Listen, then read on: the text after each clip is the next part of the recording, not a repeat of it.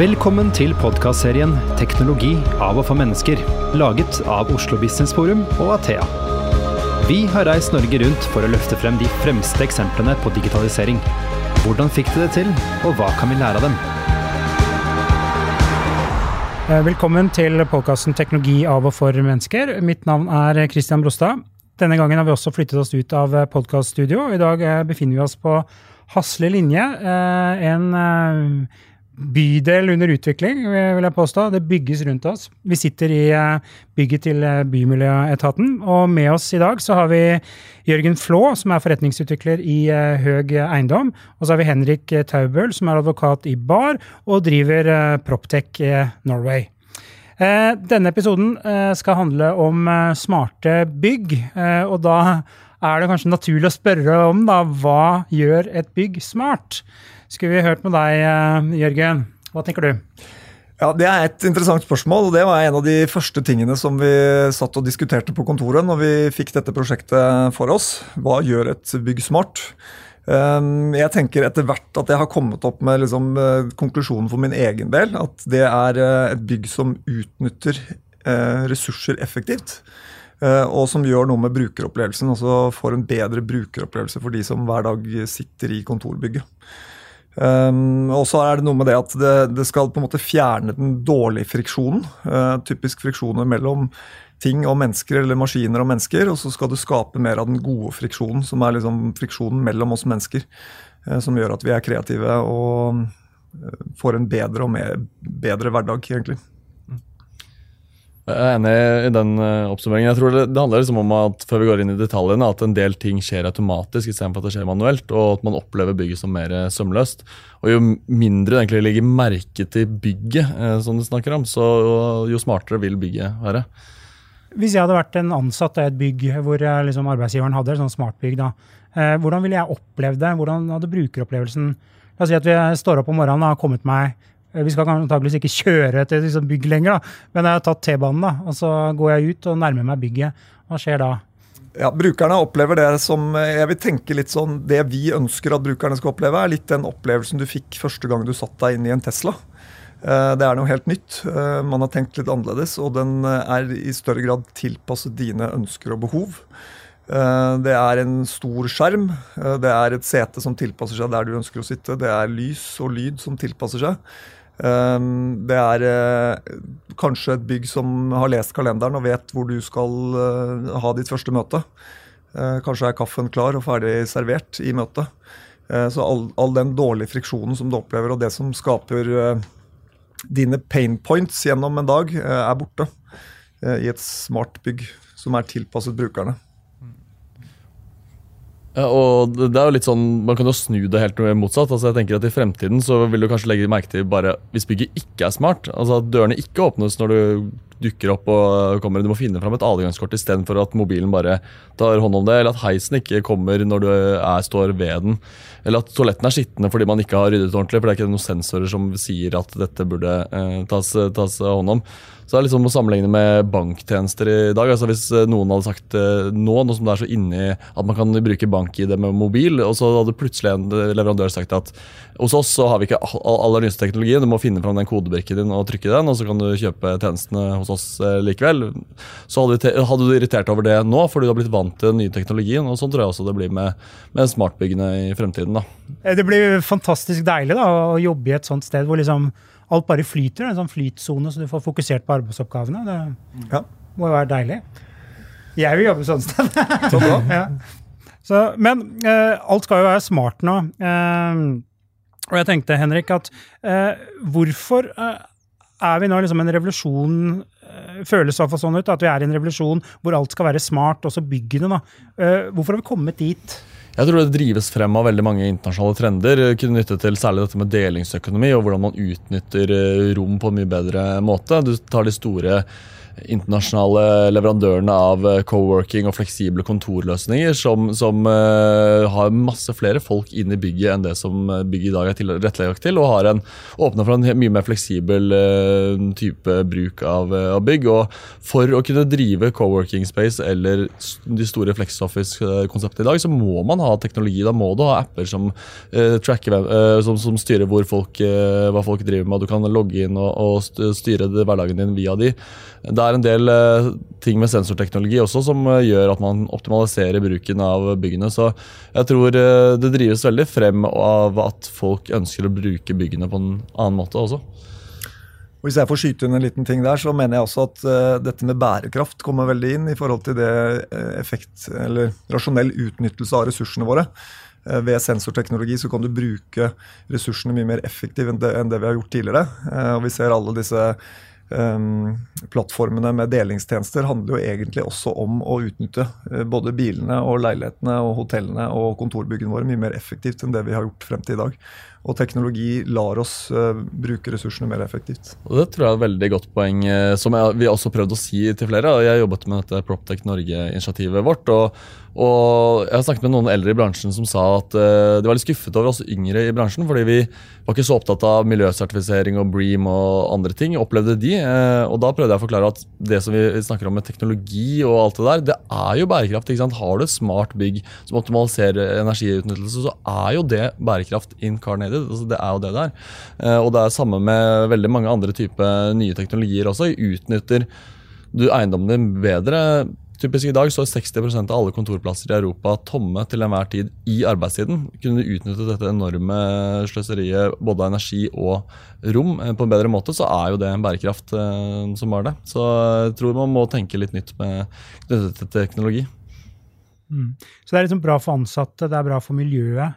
Eh, er det også bra for utbyggerne? Altså, får dere leid ut til flere fordi at folk er ikke på jobb. da. Du kan si med det, med, det, med det, siste tallet som Henrik nevnte der, at, at 60% av alle arbeidsplasser står tomme. Jeg tror tallet på det i Oslo er ca. 50. Eh, så det kan jo høres litt skummelt ut for en eiendomsaktør å begi seg ut på dette her. Eh, hvis potensialet er da at egentlig vi har dobbelt så mye kontorareal som vi trenger her i denne byen. Eh, men jeg tror det er, det er, viktig å på en måte ta dette med bærekraft inn over seg. Jeg tror den aktøren eller det systemet som klarer å finne en måte å utnytte dette mer, mer rasjonelt, så vil også det komme den aktøren til gode. Og så har vi kanskje litt overkapasitet på arealer og kontorbygg. Um, men den, den, aktøren som klarer å løse det på en god måte, tror jeg vil gå vinnende ut av dette. Mm. Så Det er fordeler både på med bygging, altså det finnes smartere måter å bygge på. Det som det norske Imerso og andre driver med 3D-skanning av bygg under hele prosessen, så du får en digital tvilling. og Du, du, du kan uh, tracke alt som blir gjort feil hele tiden uh, real time i byggeprosessen. Det er jo et eksempel på en teknologi man kan bruke i, i, under bygging. Og så er det jo når du er ferdig og driver med altså arealutnyttelsen, du kan jo kartlegge mye bedre hvordan ting kan brukes. Ha heatmap som viser hvor folk er, og hvordan folk beveger seg i, i bygg. og Uh, og jobbe med interiør og andre ting for å optimalisere hvordan bygget skal brukes. Uh, og så er det jo med drift, at man har smartere tekniske anlegg da, som utbygger kan sette inn, som justerer seg selv etter all mulig data. Vurderer bygget, hvordan temperatur skal justeres etter antall mennesker inn. Det kan Istedenfor at du eh, som teknisk sjef stiller inn anlegget automatisk, nei, manuelt pga. Uh, hva du vet uh, skal skje i bygget, så kan den f.eks. ha tilgang til kalenderen din ikke sant? og skal se at i dag er det stort arrangement. ok, Da må vi gjøre sånn og sånn med, med ventilasjon. Uh, og du trenger ikke å sende mail til drift om at det er for varmt eller kaldt lenger. da. Så den driftsteknikken med hånd på bryteren blir liksom ikke det man må lønne lenger, men at alle disse tjenestene kan liksom jobbe sammen. Mm. Og så er det egentlig ikke bare å stappe teknologien i et bygg, eh, åpne løsninger osv., hvis ikke de som jobber der, endrer seg. Hva tenker du om det? Nei, Det er en veldig viktig del av dette. her, eh, og Jeg tror vi må være litt sånn kloke når vi skal uh, lage disse smarte byggene. Vi ser jo litt hva som skjedde når vi gjorde telefonen vår smart for ti år siden nå.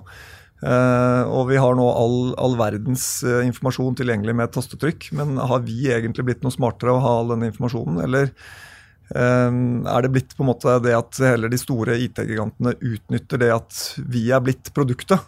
Eh, så jeg tror det at vi må være eh, såpass ærlige og ikke nødvendigvis eh, si det at de, disse smarte byggene skal være så behagelige, men kanskje det heller skal utfordre oss på en måte som gjør at vi eh, blir mer kreative og jobber på en annen måte. Eh, vi mennesker er på en måte fra naturens side litt late kanskje, og veldig vaneorienterte. og det å utfordre oss selv med at vi ikke skal Eh, gå den samme veien til jobben hver dag, sitte ved siden av den samme kollegaen hver dag, eh, spise det samme til lunsj hver dag, men heller utfordre oss selv til å um, gjøre ting annerledes. Um, som er kanskje det som er den store verdien uh, fremover. Kreativitet og skape den gode friksjonen mellom mennesker, som jeg var inne på innledningsvis. Og Henrik, Der har vel uh, tradisjonelle virksomheter en del å lære av disse co-working space-oppleggene. Mm. da.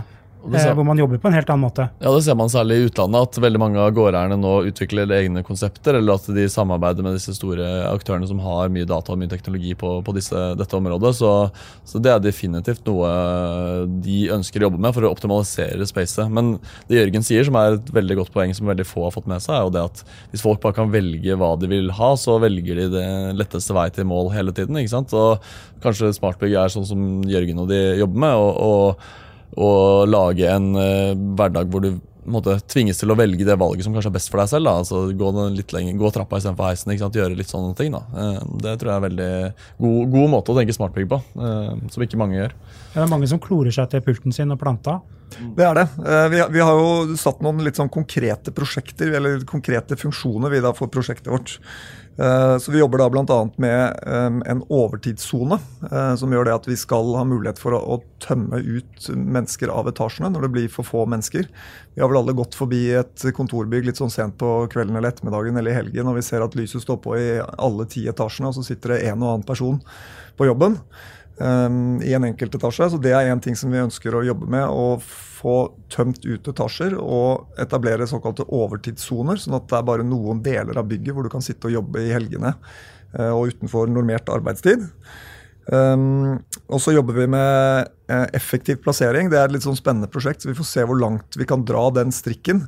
Eh, men tanken er i hvert fall det at vi har nå teknologi som gjør at vi kan fylle bygget fra bunnen av. Eh, vi har et bygg med la oss si 100 mennesker i hver etasje. Så når person nummer 101 kommer på jobb, så blir den satt i neste etasje. og Så kan du fylle opp da suksessivt. og Da kan du da også få... ikke heisen. Da, da funker det. Det er akkurat heisen, det er heisteknologien som ja. vi da bruker. Så når nummer 101 har dratt kortet sitt i heisen, så blir han satt i neste etasje. Og Da kan vi også kjøre prosjektet på halv kapasitet. F.eks. på en fredag så liker nordmenn å ta fri, i hvert fall etter lunsj. Så da er kanskje bare halve bygget i drift fra, fra fredag. Og alle de ovale og lange helgene i fredag, så Nei, i, beklager. Alle de lange ovale helgene i mai, så er kanskje bare halve bygget fylt opp. Og da kan du spare enormt med ressurser på å ikke drifte de øvrige etasjene. Eh, og Dette henger jo selvfølgelig litt på da, det, dette selskapet som skal leie lokalene, og de som sitter der, at de er åpne for sånne løsninger. Som eh, helt klart er veldig mye mer bærekraftig enn som vi driver i dag. Eh, og som også utfordrer deg i forhold til den faste plassen som du gjerne vil klore deg fast i. Mm. Uh, personvern oppi dette, det liksom lukter jo litt. uh, altså, uh, det er sikkert helt greit, altså det er på stell, men eh, man kan jo få en følelse av at hvis det blir et sånt scenario, da, at du kommer deg inn, appen gjenkjenner deg, den vet hva du vil ha til enhver tid, styrer kalenderen, har tilgang til alt. Da. hvordan tenker dere rundt personvernutfordringene? Det klart noe vi som advokater har jobbet veldig mye med. og Veldig mange av våre store klienter kommer til å si at vi har lyst til å lage et co-working space. Og så har vi denne amerikanske appen, eksempel, koster veldig lite. Vi kan laste den ned, og, og alle brukerne laster den ned. og så, så kan vi overvåke hvor de er, og så lurer de på hvordan dette er med personvern. og det er Spørsmålet er jo personopplysninger. altså Opplysninger knyttet til enkeltpersoner er jo veldig strengt eh, regulert. Så, så, det veldig veldig mange gjør, er jo når du setter opp sensorer over hele bygget som kan tracke hvor folk beveger seg, og du kan egentlig følge den enkelte på mobilen, Eh, så løses dette med at man aggregerer eh, data, og at man ikke kan identifisere personer. Da. De største i utlandet lager f.eks. opp varmesøkende kameraer i hele bygget som viser varmestrømmer på hvor folk beveger seg og hvor de går. og Da kan man se hvilke deler av bygget som brukes og hva som ikke brukes eh, til enhver tid. Men det er umulig å identifisere enkeltpersoner. Og så er det jo spørsmålet da, hvis én bruker har leid ett kontor som han bruker, ikke sant? kan du da se at varmen er på på hans kontor, så er det jo overveiende sannsynlig at det er den personen. og Det er liksom sånne grensedragninger man kommer opp eh, i, iblant. Men de store internasjonale har jo brukt dette for å, for å, liksom, å, å ha mest mulig uidentifiserbar informasjon på det. Um, og det er jo også vært uh, overraskende greit i de high-tech-byggene i utlandet. Altså, det blir jo litt sånn som Google, som vet alt om det der. Man har trykket uh, 'accept all' på alt uh, som er. Så, så, går det jo, greit altså man, for de fleste i praksis. så men så er jo hele spørsmålet er det bra. Er det sånn det burde være? Jeg vet ikke, Men det blir en slags informasjons overflow for folk, at de syns det blir for vanskelig å ta stilling til ting. Men, men, men i bygg så, så, er det jo løst da ved at du ikke kan identifisere enkeltpersoner. Da, og det er jo det, det viktigste. Ja, er, vi er vel litt sånn på linje der, Henrik. Det er også, det er også muligheter på en måte å bruke den teknologien som er minst um, altså har minst problemstilling knyttet til GDPR og personvern. Eh, du kan, du kan, på en måte tracke mobiltelefoner, men du kan også tracke eh, CO2 eller eh, varmesøkende frekvenser. Så det er det å bruke den teknologien som da på en måte gir ja, minst problemstilling rundt GDPR. Men så er det også tilfeller som vi ser også Hvis du skal på en måte få best mulig utnyttelse av teknologien, så må du kanskje noen ganger bruke bruker også tracking av mobiltelefoner, f.eks. Uh, vi ser at 25, det er vel et annet tall uh, fra Oslo, at 25% av alle møteromsbookinger er uh, no-shows. Altså folk møter ikke opp til det møterommet de har booket. Uh, og Hvis du da ønsker å på en måte ta synderne, og de som alltid booker møterom uten å møte opp, så må du kanskje da ha muligheten til å vite hvem det er.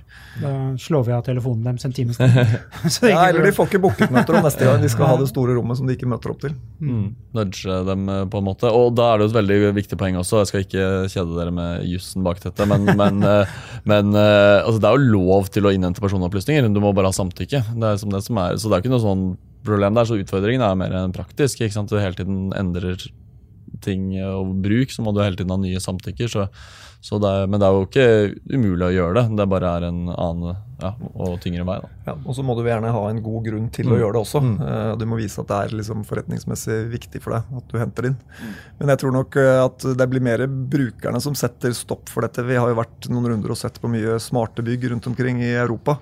Uh, og klart, tracker du folk ned uh, og sporer mobiltelefonen din, og, så de vet hva slags kaffe du vil ha når du kommer til kafeen, så kanskje det egentlig ikke føles nødvendigvis positivt, og kanskje du ikke liker det. Så det at uh, man opter ut og ikke vil være med i den, det, det community og den appen, tror jeg heller også blir styrt av den enkelte etter hvert. Eh, dere snakker begge om liksom, å se til Europa. Altså.